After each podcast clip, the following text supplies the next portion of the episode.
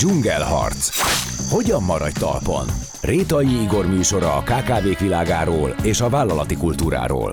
A műsor együttműködő partnere a Garantika Hitelgarancia ZRT. Sziasztok! Ez itt a Dzsungelharc, a cégeket működtető emberi energiáról. Mai epizódunkban egy kis, ám a minőségre annál kényesebb zenei kiadó társalapítóit ismerhetitek meg, akik eddigi működésük alatt nem kényszerültek kompromisszumokat kötni. Lehet, hogy ebben szerencséjük volt, de nekem úgy tűnik, ezt inkább kitartásuknak, no meg a zene iránti szenvedélyüknek köszönhetik. Csak olyan zenekarokkal dolgoznak, akiknek a zenéjét szeretik, és emberleg is megtalálják a hangot, mondják. Ez a szabadság, amire vágytak, ezért hagyták ott az alkalmazotti létet, és vágtak bele a vállalkozásba. Ami sosem fenékig tejföl, de hangozzék bármilyen banálisan, ők a gyakorlatban bizonyították, a személyes kapcsolatok minősége képes értéket teremteni, és ezt hosszú távon fenn is tartani az igen sok bizonytalansággal és még nagyobb versennyel teli világukban. Mai vendégeim Csikán Eszter és Sándor Dani, a Launching Gagarin társtulajdonosai. Sziasztok! Sziasztok! Az első kérdésem, hogy tart-e még a szerelem? Ez nem a ti párkapcsolatotokra vonatkozik, mert ti más külön-külön családba éltek. Ezt azért kérdezem, mert valahol azt nyilatkoztatok, hogy nektek szerelem ez a projekt. Most a szerelem, azt mondják, nem tart örökké. Még tart. Szerintem még nem vagyunk benne annyi ideje, hosszan hogy elmúljon. Hosszan a... elgondolkoztál ne, ezen, Eszter. Hát vannak nehézségek, mint minden kapcsolatban, ebben is vannak hullámvölgyek, meg magas hegyek, amiket el lehet érni, de tart a szerelem. Dani? Köztünk rendületlen Eszterrel a kezdetek óta a, az összetartás és a, a kitartás amellett, amit csinálunk de ahogy ezt is mondta, az utóbbi években, mint ahogy sokan másoknak is a világon voltak nehézségeink, és vannak olyan pontok, amikor szükségünk van egymás biztatására, hogy, hogy tovább tudjuk csinálni, de alapvetően a, a zene és a, a kultúra iránti szeretettünk azt általában átlendít minket ezeken a holt. Hát igen, meg vannak a mindennapok. Mondtad, hogy Eszter iránt érzett szerelmet, mondjuk így, az, az, az változatlan. Sőt, olyannyira, hogy tulajdonképpen azt mondtad, hogy bele se vágtál volna ebbe az egész projektbe, ha nem találkozol Eszterrel. Ez így van, ez, vagy nem ez, ebben a formában, vagy nem akkor és ott. De ez engem régóta foglalkoztatott a, a, a zeneipar háttere, vagy a zenének a háttér világa, de nem igazán tudtam, hogy hogy kezdjem el. És aztán Eszterrel találkoztunk egy kurzuson, ami pont erről szólt, de még akkor sem tudtam, hogy jó, de akkor ezt hogy lehet elkezdeni. És akkor Eszterrel elkezdtünk beszélgetni, akinek már volt ebben tapasztalata, mert ő a Budapest Bár zenekar menedzsmentjében dolgozott évek óta, és ez segített nekem is, vagy adott bátorságot, inkább így mondom, ahhoz, hogy, hogy belevágjunk te zenéltél? Igen, még most is. Ez még jelen most idő, is. igen. Ez jelen idő. Bocsánat, zenész is vagy. És miért érdekel téged a zenei, a zene háttéripara? Én, akik zenészekkel találkoztam, csak a zenére figyelnek. Honnan ez a vonal? Nem tudom, én valahogy mindig már általános iskola, iskolás korom óta egy a szervezésben benne voltam, szerettem szervezni dolgokat. És, és a 80-as években elkezdtem olyan könyveket olvasni, a kedvenc zenekaraimnak a történeteiről, vagy történetéről, amiben sok olyan információ volt, hogy hogy működik ez a háttérben és egyszerűen megfogott ez a világ. Volt egy ilyen romantikus képem, hogy igen, akkor van egy kiadód, ahova bejönnek a zenekarok, kunyiznak CD-ket, más zenekarok kiadványait, meg mész rendezvényekre, meg koncertekre, meg bejárod a világot, és ez valamiért nekem nagyon szimpatikus volt. Én úgy képzelem el, de ez de a teljes kívülálló szemlélete, hogy a kiadó az egy hatalom. Az elfogódott művészek, most bármilyen, tehát könyvkiadóról is beszélhetek, zenei kiadó, tehát kulturális kiadóról, az egy hatalom, én sose jártam ilyen értelemben kiadónál, hogy elvigyek valamit, de biztos szoronganék, és biztos úgy érezném, hogy most aztán az én sorsomról nagyon komoly döntések születnek komoly emberek által. Ti hogy látjátok ezt? Ez a múltban ez sokkal inkább jellemző volt, mert ma, a manapság ugye a digitalizációval sokkal könnyebb már hanganyagokat megjelentetni, saját fe, saját erőből is, nem feltétlenül kell egy kiadó ahhoz, hogy, hogy valami megjelenjen egy adott művésztől. Régebben valóban volt egy ilyen illetve még most is van egy tehetségkutató feladata is a kiadóknak, de ez régebben sokkal erőteljesebb volt, mert nem lehetett máshogy megjelenni a piacon. Most már a technika fejlődésével otthon is tudnak stúdiózni a zenészek, és aztán fel tudják tölteni a saját zenéiket különböző platformokra, így aztán most már azért a kiadónak a szerepe némileg csökkent. Inkább amiben segíteni tud egy zenésznek, az a kommunikáció, a kiadványainak az eljuttatása bizonyos helyekre, meg hát az, hogy, hogy képben tartsák a, a szakmát arról, hogy ez a zenekar létezik, és, és tevékenyen dolgozik, hogy ne tűnjön el a tömegben. Hát gondolom ez a zenész élethez teljesen hozzátartozik. Nem? Illetve, hogy az előbb mondtad, vagy kérdezted, hogy nem teljesen érted, hogy zenészként engem miért érdekel a háttérmunka.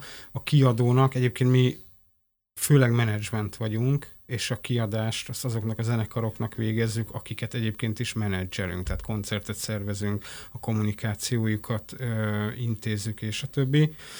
De hogy pont a kiadással tehermentesítjük őket azok alól, az administratív feladatok alól, amiket minden zenész eh, legszívesebben hátrahagyna, vagy nem foglalkozna velük. Nekünk sem ez a legérdekesebb része a munkának, az administratív, meg a bürokrácia, de része a munkának, úgyhogy megcsináljuk. De ez az egyik olyan feladat, amit szerintem a zenészek nagyon nem szeretnek eh, megcsinálni. Azt nem kérdeztem, hogy Eszter, te hogy kerültél ebbe a zeneiparba?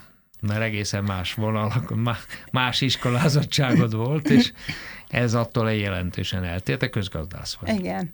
Hát nekem volt egy bankos, bankos munkám, és akkor ott összeismerkedtem a Budapest Bárzenekarral egy rendezvény kapcsán, és akkor elkezdtem velük együtt dolgozni.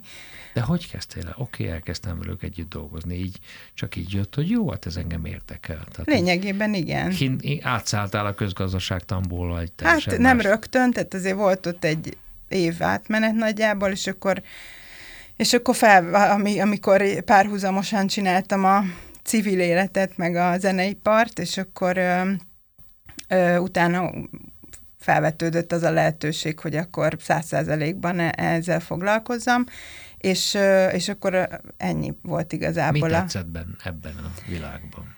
Hát én sose voltam az a típus, aki így, ez elég hamar kiderült, mikor elkezdtem egy irodában dolgozni, aki így a számítógép mögött ül, és, és egész nap e-maileket ír, vagy táblázatokat töltöget, vagy ilyesmiket csinál. Nekem nagyon kellenek az emberi kapcsolatok, meg az interakciók, és, és igazából a, a, abban az egy évben, vagy nem is tudom pontosan mennyi volt, amíg ugye párhuzamosan tölt, töltöttem az időmet a civil foglalkozásom meg a zenekar között, abban megláttam azt, hogy ez, ez egy olyan életmód, ami hát ugye az ember fiatal korában nagyon jó kapcsolatteremtési, meg érdekes lehetőségeket rejt magában.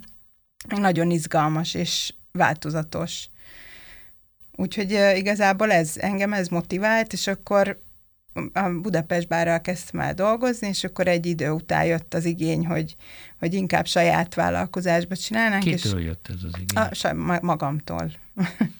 és akkor találkoztunk a Danival, én elvégeztem két ilyen zeneipari menedzser, menedzseri képzést is, a zeneipari ö, hivatal. hivatal, meg a majdnem híres rocksulinak a képzését, az utóbbival azóta is tartjuk a kapcsolatot, és ö, nagyon jó viszonyunk is van, járok vissza órát tartani is, és, ö, és ott találkoztunk a Danival, pár beszélgetés során kiderült, hogy nagyon egyezik az elképzelésünk arról, hogy mit kéne és hogy kéne csinálni, és akkor úgy döntöttünk, hogy belevágunk.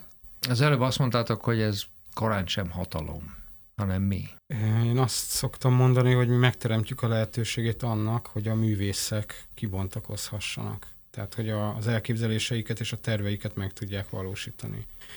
És nekünk az a feladatunk, hogy egyrészt, ahogy ezt is mondta nem sokkal ezelőtt, képben legyünk azzal, hogy mi történik a zeneiparban, és ezt tudjuk a, a művészeink nyelvére átfordítani, illetve a művészeinknek a törekvéseit becsatornázni abba, ami éppen zajlik a világban. Rólunk tudni kell, hogy, hogy alapvetően olyan zenekarokkal, meg zenészekkel foglalkozunk, akik nem a mainstreambe tartoznak, nem a fősodorban vannak, hanem, hogy mondjam, inkább művészeti megközelítésből zenélnek és nem pénzkereseti, ami nem jelenti azt, hogy, hogy hát nem ez is, szeretnek ez pénzt for, keresni, de... For profit.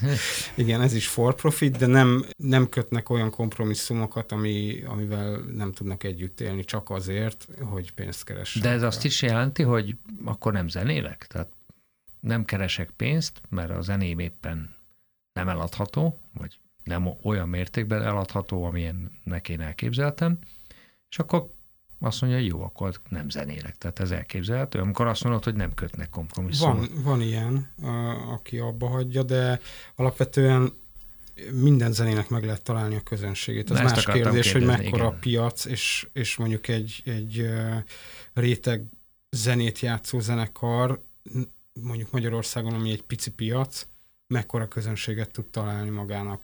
De pont ezért kezdtünk el most már külföld felé és nyitni, és visszük a zenekarokat próbáljuk építeni külföldön is a kapcsolatokat, és folyamatosan koncerteztetni őket ott is. Hát így szélesedik a piac. Egyébként ebben az félreben elég nagy a verseny, nem? Nagyon. Úgy, úgy látom.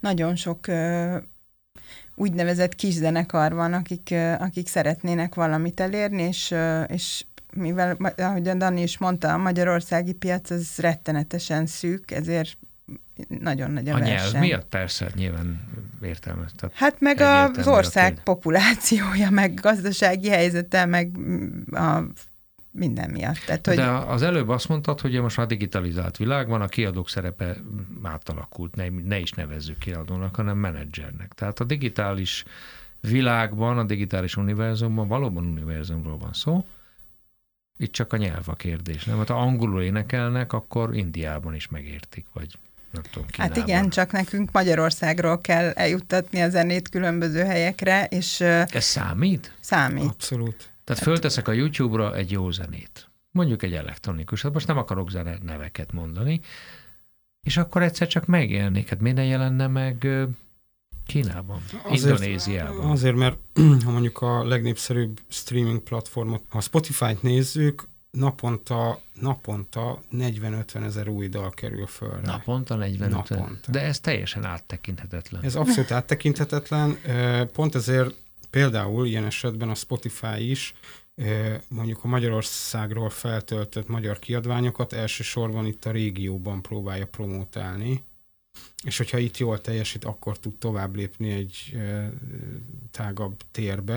De ez persze nem jelenti azt, hogy Indiában nem tudják meghallgatni a ma feltöltött magyar zenét, csak egyszer nem hallanak róla, mert akkora a zaj ebben is, mint, ugyanúgy, mint az interneten, hogy tulajdonképpen végtelenség lehetne ülni az internet előtt és olvasni híreket, mert mindig van valami.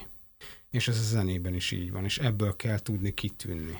Meg igazából, amikor arról beszéltünk, hogy a kiadó szerepe inkább csökken, és inkább a menedzsment kerül előtérbe, ez azt is jelenti, hogy nagyon, hogy sokkal fontosabbak az élő fellépések, és abban, hogy ismert legyen egy zenekar, és ebbe, hogyha bárme, bárki is egy picikét belegondol, akkor már is elég egyértelművé válik, hogy Magyarországon élő fellépés szervezni azért viszonylag kisebb mondjuk anyagi befektetése jár, mint Indiába, hogyha már azt a példát hoztad, és ezért mondja a Dani, hogy próbálunk most már külföldre is koncerteket szervezni, mert azt látjuk, hogy az, hogy felkerül a Spotify-ra, vagy bármilyen ilyen online platformra a zene, az nem elég ahhoz, hogy külföldön is ismert legyen egy zenekar, hanem ahhoz meg kell, meg kell jelenni, igen. Uh-huh. A személyes jelenlét, hát meg ugye? A, a kommunikáció, a marketing, a promóció, ugyanez, mint a könyveknél, hogyha bemegy az ember egy nagy könyvesboltba,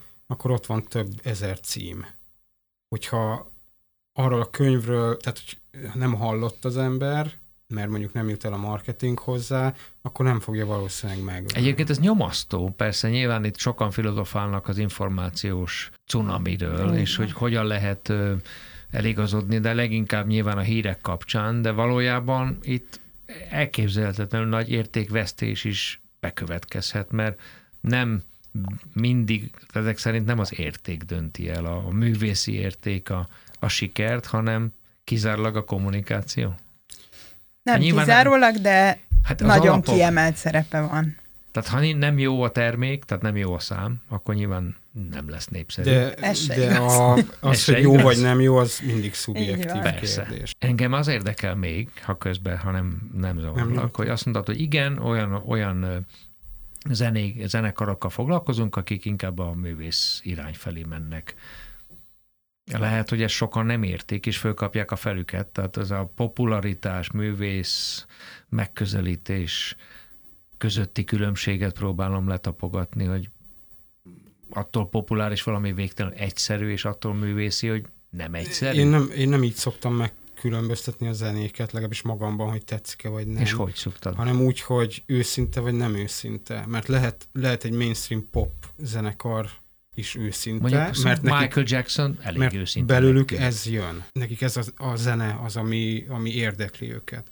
És lehet egy, nem tudom, egy jazz zenekar is nem őszinte, bár nem tudom miért tennék, de hogy, hogy én inkább így választom szét a zenét, hogy mi az, ami szívből jön, és mi az, ami nem szívből jön.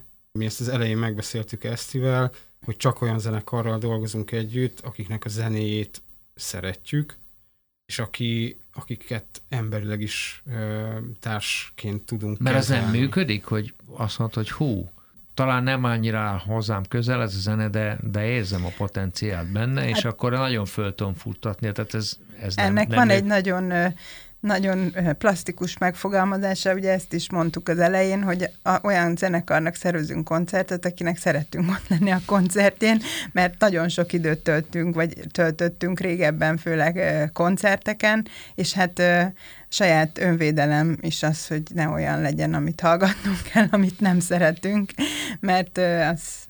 Nyersebben kérdezném, De pénzért, pénzért nem menedzseltek? Nem. Nem. Miért nem? Nem, mert egyszerűen nem tudok kiállni egy olyan produkció mellett, amelyikben nem hiszek.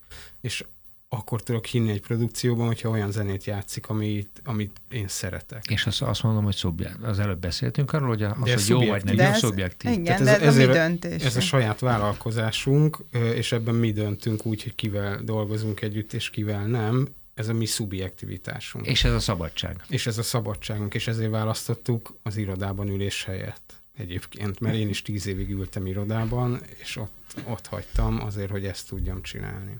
Ezt azt hiszem tökéletesen lehet érteni. Hát jó pár éve indítottátok, most már közel 10-14-be indult a... Igen. Én mindig kiadott mondok, de most nem tudom, Menedzsment. Hívjuk Gagarinnak. Legyen kiadó. Indult a, indult a Gagarin. Persze nem, nyilván egy nagyon érdekes a név, hogy hát Gagarint ki útnak indítjuk, vagy kilőjük. Ez a Danitól ugye, És akkor ugye az ember a világűrben a különlegesség, vagy ez, ez, ez mit jelent? Nem, ez onnan jött, hogy én játszom egy zenekarban, aminek az a neve, hogy Yuri, ez egy nyíregyházi zenekar, és amikor nem vagyok benne az eleje óta, de amikor... És az a Gagarin keresztneve. És akkor a, a Gagarin jött, hogy mert első körben a Jurinak volt kiadója régebben, és amikor jött egy új kiadvány, akkor azt gondoltuk, hogy most nem keresünk új kiadót, csináljunk egy saját kiadót. De végül ezt nem a zenekarral csináltam meg, hanem Esztivel, viszont a név az maradt. Ez egy ilyen de a launching Gagarinban, a launching az, az arra vonatkozik, igen, hogy, hogy a zenekaroknak segíteni, elindítani a pályájukat. Indi, ki, kilövitek igen, őket. Igen. Szóval a vállalkozás az most már tíz éves, de nyilván ez teljesen más szerintem, vagy gondolom én, mint amikor elindultatok. Talán nem is ugyanazok vagytok. Milyen volt ez az út?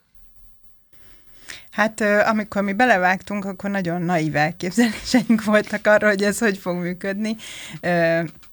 És akkor azt gondoltuk, hogy majd jó sok zen, ketten mindenkivel elbírunk, és, és teljesen jól fog, fogunk tudni együtt dolgozni tíz zenekarral is, tíz zenekarral kezdtünk, aztán ez elég hamar kiderült, hogy ez nem működik, mert nagyon szétforgácsolódik az idő, az energia, az odafigyelés, meg minden tíz zenekar között. Picit segítesz, hogy mit kell egy zenekar? Sok a munka, oké, okay, értem, de hogy mitől sok a munka, mert laikusként azt gondolom, meghallgatjuk, elmegyek koncert szervezni, és így nagyjából. Hát a koncertszervezés is mondjuk olyan 150 apró kicsi lépésből áll. De maga a koncert részlete is rajtatok múlnak? Mi egyeztetünk a, a szervezőkkel. Tehát milyen lesz mindent. a látvány, a helyszín? Hát e, ezt kell felügyelni. A, a zenekari menedzsment az olyan, mint egy cégnél a projektmenedzser tulajdonképpen. Hogy ö, van egy csapat, jó esetben, hogyha megengedheted magadnak, van egy csapat, akiket irányítasz, és akiknek a munkáját összefogod. És ebben benne van a, a zenekar, benne van a, az, aki a marketinget csinálja, aki kommunikál a zenekar nevében, aki pályázatokat ír, aki buszosként elviszi a zenekart a koncertekre, tehát mindenki technikai benne van ebben a technikai személyzet. És ezt is illetve, össze. illetve nem csak a mi részünkről, hanem a hely részéről is. Tehát, hogy a, arra az adott projektre nekünk velük is közösen kell dolgozni, tehát ott is van egy fénytechnikus, egy hangtechnikus, egy nem tudom, kidobó ember akár, vagy, egy, vagy meg egy, egy, egy helyi szervező, akivel nekünk együtt kell dolgozni, és lebonyolítani ezt az adott eseményt. És hát ez azért eléggé, mondjuk egy kockázatos műfaj. Azt mondják, hogy az egyik legkockázatosabb Én csináltam néhány, hát ehhez gondolom. nem mérhető rendezvény, de, de a minden, mindennek a, mindegyik végén úgy éreztem magam, mint hogyha a bányából jöttem volna, és alig vártam, hogy már leülhessek, és végtelen, leginkább a, a feszültség, az idegi feszültség, ezt hogy bírjátok? Hogy ez minden álljon össze, mert nem létezik, hogy minden hangszóró mindig szól, minden reflektor bekapcsol, a füstgép, tehát 6800 részlet van, ezt hogy lehet bírni? Szerintem el kell fogadni, hogy, hogy ezek benne vannak. Oké, okay, hogy elfogadod, de bírjátok? Mert én is azt mondom, hogy hát igen, egy esemény ezzel, oké, okay. de hát megőrülök benne. Hát hol jobban, hol rosszabbul, szerintem ez is igen. pont ugyanilyen. Amikor elkezdtük, akkor jobban, jobban bírtuk, azt mondanám, vagy nem tudom, akkor, akkor nyilván az újdonság varázsa is, meg a lelkesedés, meg a fiatalságunk, az is vitt minket előre. Most már azért én mondjuk kicsit vissza is vonultam valamennyire, szülési szabadságon vagyok, és nem nagyon tudom elképzelni most azt, hogy éjszakánként koncerteken töltsem az időmet, és ezzel a, ezzel a részével foglalkozzam a dolognak, úgyhogy az elején ez nagyon ez, ez, ez a feszültség, ez jó is tud lenni, vagy adrenalin, nem? Tehát, hogy nekem igen, tehát hogy, hogy az elején ez egy, ez egy jó dolog volt, hogy ha minden klappolt, vagy csak egy nagyon pici dolog nem klappolt, akkor, akkor azt mondtad, hogy ez egy jó, jó esemény volt, és jól, jól váltunk el, vagy hogyha valami nem volt jó, akkor meg tudtuk beszélni, vagy jól le tudtuk zárni, szóval ez, ez nem megy, tehát ez feszültség, de nem feltétlenül rossz feszültség. Jó, hát vannak olyan koncertek, amik félre sikerülnek, meg ahol sok a probléma, de hogyha például a menedzsment, meg a zenekar, meg a helyi szervezők jól tudnak együttműködni, akkor ebből nem egy negatív feszültség csapódik le a végén, hanem oké, okay, együtt megoldottuk, vagy legközelebb majd megoldjuk jobban. Igen, még annyival egészíteném ki ezt, hogy, hogy az elején a kezdeti naív lendület vitt minket, viszont egy-egy nagyobb akadálynál lehet, hogy jobban stresszeltünk. Most már közel tíz évnyi tapasztalat van a hátunk mögött, és tudjuk, hogy mik azok a problémák, amikor stresszelni kell, és mik azok a problémák, amik igazából nem akkora problémák, és vagy meg tudjuk oldani egy picit nagyobb erőfeszítéssel, vagy pedig el lehet engedni, és nem, nem befolyásolja döntően egy rendezvény kimenetelét. Vagyis azt jelenti, hogy súlyoztok. Igen amikor vannak problémák, mondjuk egy koncerttel, tehát ez a céges életben, ez lecsapódik? Tehát nem sikerül valami koncert, akkor köztetek is van, tehát ez, ezeket hogy, köztetek, köztetek is van-e feszültség, okoz-e problémát, hogy hú, Eszter, ezt elszúrtad, nem kellett volna, vagy ezt házon belül hogy beszélitek? Mert ketten vagytok, ugye? Van egy kollégánk félállásban, meg van egy gyakornokunk még.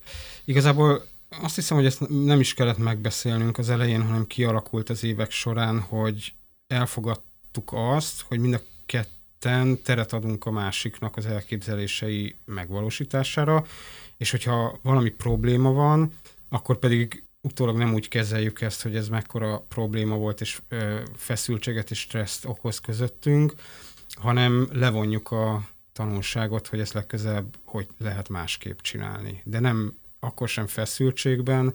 Én nem emlékszem olyan ö, pillanatra, amikor így egymásnak feszültünk volna kilenc év alatt. Szerintem soha nem volt ilyen, hanem, hanem egyszerűen csak megbeszéljük, hogy hú, ez most nem volt annyira jó. És nem volt kilenc év alatt semmi? Nem. Nem, de azért egy kicsit úgy is működik ez a dolog, hogy, hogy nem teljesen ugyanazt csináljuk, tehát nem vagyunk mind a ketten párhuzamosan benne mindenben, hanem a Dani is foglalkozik zenekarokkal, én is foglalkoztam zenekarokkal, most mondta, ahogy mondtam az előbb, én kicsit inkább ilyen háttér, háttér dolgokat csinálok, és ezért nem az van, hogy, hogy egymás munkájában ban rontunk el valamit, vagy nem tudom, hogy fogalmazzam ezt meg jól, tehát ne, nem elmeséljük egymásnak, hogy mi történt, vagy hogy volt, annak, aki nem volt benne annyira, és akkor ebből együtt levonjuk a következtetéseket. Igazából nem az van, hogy, hogy folyamatosan mindent párhuzamosan együtt csinálunk, mert az nem, tehát az nagyon sok munka van ahhoz. Nekem ez egyfajta társulási működésnek tűnik, jól látom?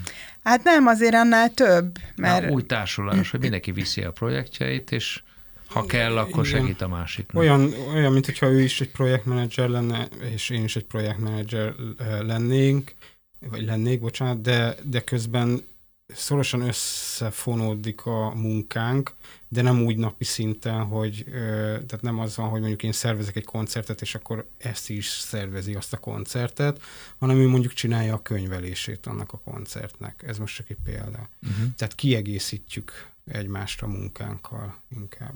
Dani, te azt mondtad, hogy, hogy te nem annyira producer típus vagy, aki így összerakja a zenekart, és így végrehajtják az alkalmazott, tehát zenészek végrehajtják, a, amit te mondasz. Nekem egyébként a producerben valamiért ez a kép van, hogy ő mondja meg, hogy, hogy mi lesz. És ugye van, aki vizionárius is, ugye nagy tervekkel elkesíti a, a, a szintén a zenekar tagjait, és van, aki meg azt mondhat, hogy te lehetőséget adsz, hogy a kérdésem az, hogy ez hogy, miért alakult így? Tehát nem jobb az, hogy azt mondani, hogy ha ti már mondjuk kockáztatjátok a, talán nem is a pénzeteket, de hogy azért mégiscsak beleraktok munkát, hogy azt csinálja a zenekar, amit mondtok, mert látjátok, hogy ez az út. Valamilyen alkalmazkodást kell kérni a zenekartól. Van az a fajta menedzsment és produceri munka, amikor maga a producer vagy menedzser rakja össze a zenekart. Ő találja ki, hogy kik legyenek benne, milyen zenét játszanak, és milyen image legyen az Tehát megcsinálja a terméket. Igen. Mi a művészet felől közelítjük meg, tehát mi művészekkel dolgozunk együtt, akiknek van saját Nem víziója. akartok beavatkozni soha? Tehát nincs És olyan, ne, hogy, de ez nem jelenti hogy azt, másképp hogy... játszátok, srácok? Ö, nem, nem, nem úgy, nem megmondás. Nincs. Nem megmondás szintjén van. Természetesen a, a sok év tapasztalata alapján tanácsokat tudunk adni, illetve lehetőségeket tudunk teremteni a zenekaroknak, amiket ők ki tudnak használni. Tehát nem csak az van, hogy ők elmondják, hogy ők mit szeretnének, és mi ezt megvalósítjuk, hanem mi is jövünk ötletekkel, és erre a zenekar vagy azt mondja, hogy ú, ezt csináljuk meg, vagy azt, hogy ez most nem, nem a mi világunk, és akkor hagyjuk. És akkor elfogadjuk, hogy ezt hagyjuk. De a hosszú távú munkának, vagy együttműködésnek az a kulcsa szerintem, hogy hogy nincs fölé alárendeltségi viszony a zenekar és a menedzsmentje között, hanem ez egy partneri kapcsolat, amiben mindenki belerakja azt, amiben jó, meg ami, amilyen tapasztalatot szerzett az évek során, meg az ötleteit, meg az energiáját, a pénzét. És hogy ez mindenkinek áldozatokkal jár, meg ötletekkel, meg együtt gondolkodással. Amikor mondtam, hogy ugye elkezdtünk együtt beszélgetni arról, hogy mit, hogy szeretnénk, szerintem ez volt az egyik olyan pont, ami afelé terelt minket, hogy együtt dolgozzunk, hogy, hogy mind a ketten így láttuk, hogy mi nem akarjuk megmondani azt, hogy, hogy mit csináljanak. Én ugye Dani ugye zenész is, de én nem vagyok zenész, tehát én abban, hogy ők milyen zenét és hogyan játszanak, semmilyen módon nem akarok, nem akartam soha beleszólni, de a, de a menedzsment részében is az, az, az volt az egyik ilyen összekovácsoló pont nekünk, hogy mind a ketten úgy láttuk, hogy mi azért vagyunk, hogy a zenészek zenét tudjanak csinálni, és az a, azokat a dolgokat, amik ahhoz szükségesek, hogy ez megjelenjen a közönség számára, és láthatóvá váljon, az az, az amit mi csinálunk. És szerintem ami, egy, ami jól összefoglalja, az az, hogy hiszen végtére azért kezdtünk el azzal a zenekarral dolgozni, mert szeretjük, amit csinál. Ha én most elkezdem neki megmondani, hogy mit csináljon, akkor már nem ugyanaz a zenekar lesz. Én mindig kockázatot éreznék, hogy ha egy ilyen menedzser lennék, hogy jön hozzám egy zenekar, még tetszik is, tök jó srácok. Csak motoszkálna bennem, hogy úristen, hát nekem tetszik, de hány ember lesz, akinek tetszik? Tehát eltalálom-e a piac ízlését, belelövök-e a piacba, vagy nem? Erre milyen iránytű van? És ez, ez hagyján, de amikor, ez amikor le, le igen, az, hogy tetszik-e majd az embereknek, szerintem meg lehet találni a de hogy? Van valami a közönség. Belül igen. Tehát amikor, amikor ott vagyok egy koncerten, egy olyan zenekarnak a koncertjén, akivel még nem dolgozunk, és azt érzem, hogy 30 évnyi zenehallgatás, vagy 35 évnyi zenehallgatás után úgy megyek haza arról a koncertről, hogy nagyon-nagyon lelkes vagyok, hogy ú, na ez a zene végre, most megint találtam egy olyan zenét, ami igazán megfogott, akkor tudom, hogy az, azzal foglalkozni kell. Ebből a szempontból én, én a, mindig a szívemre hallgatok, amikor zenekart választunk. De amikor az ember leül egy új e, zenekarral beszélgetni, akkor nem, ez, nem az a, a legfőbb kérdés, hogy megtalálja a közönségét, az is egy fontos kérdés, hanem inkább az, hogy ha belerakjuk az energiát, a pénzt, az időt, nem mondják -e mondjuk egy év múlva, hogy eh, igazából mi nem is akarunk zenélni.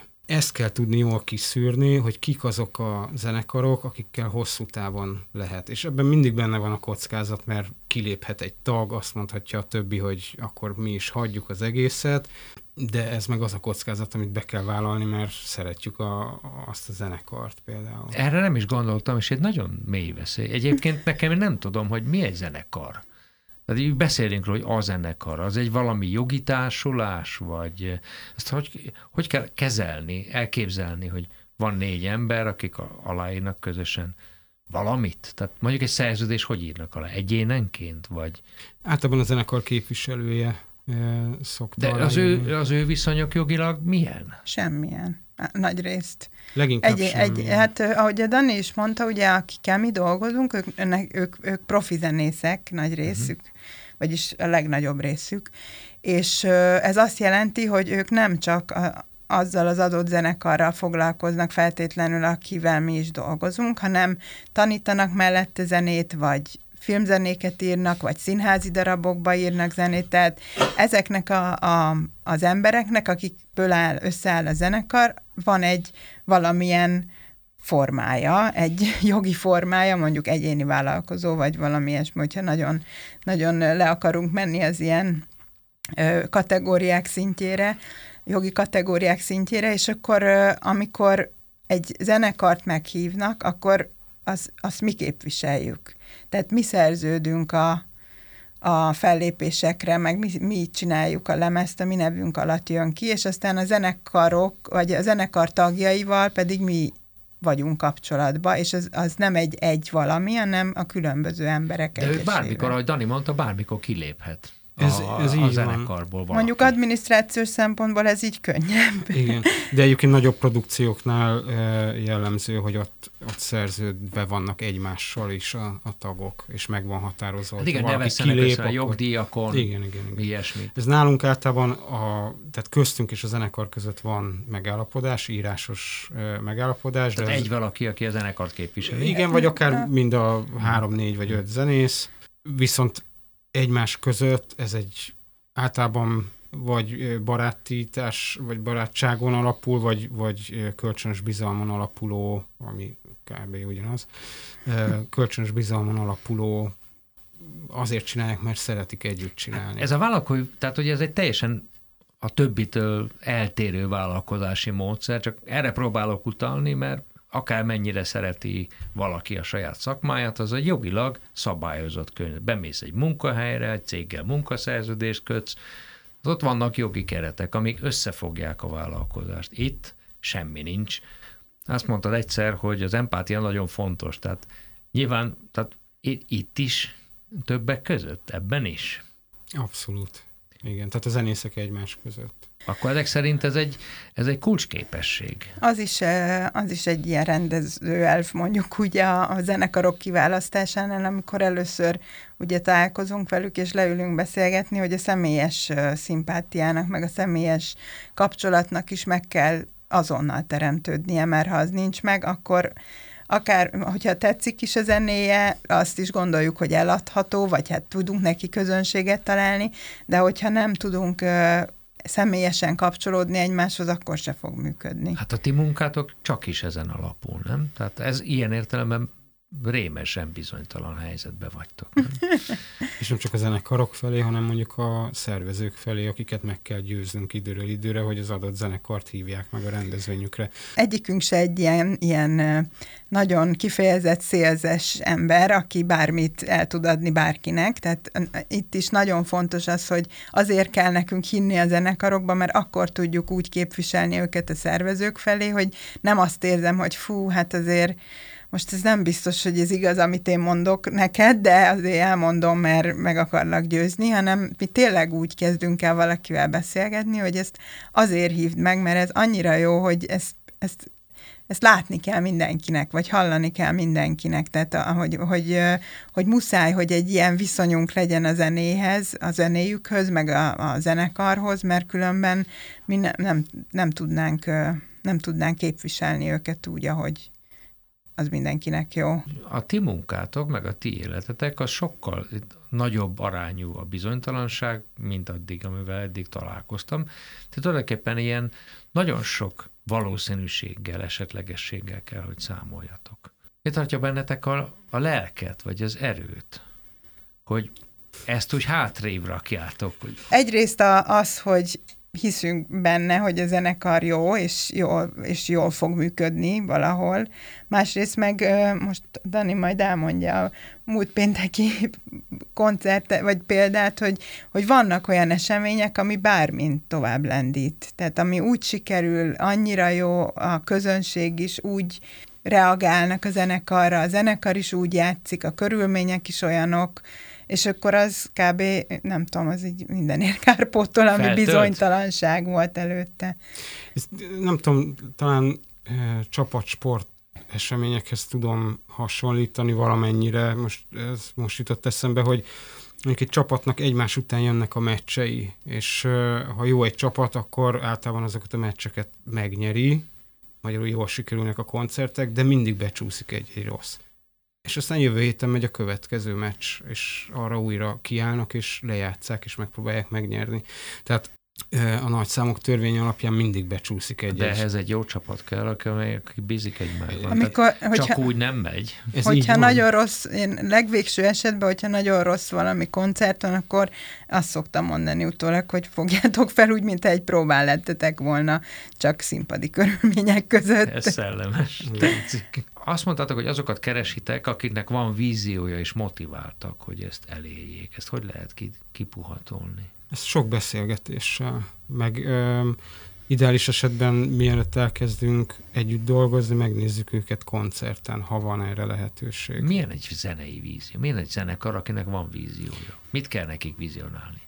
Visszautalnék arra, amit mondtam egy pár perce, hogy, hogy azt kell e, meglátnunk valakiben, vagy valakikben, hogy ezt ők komolyan gondolják. Tehát hogy nem egy, ezt nem, egy, nem egy hobbi, ami hát lehet, hogy másfél év múlva eladom a hangszerem, és elkezdek, nem tudom, egy polgári foglalkozást űzni, hanem, ahogy ezt is mondta, az a zenekaraink nagy részében található zenészek ebből élnek, tehát professzionális zenészek, akik tanultak jazz tanszakon, akadémián, és arra tették fel az életüket, hogy a zenélésből valamilyen formában megélnek.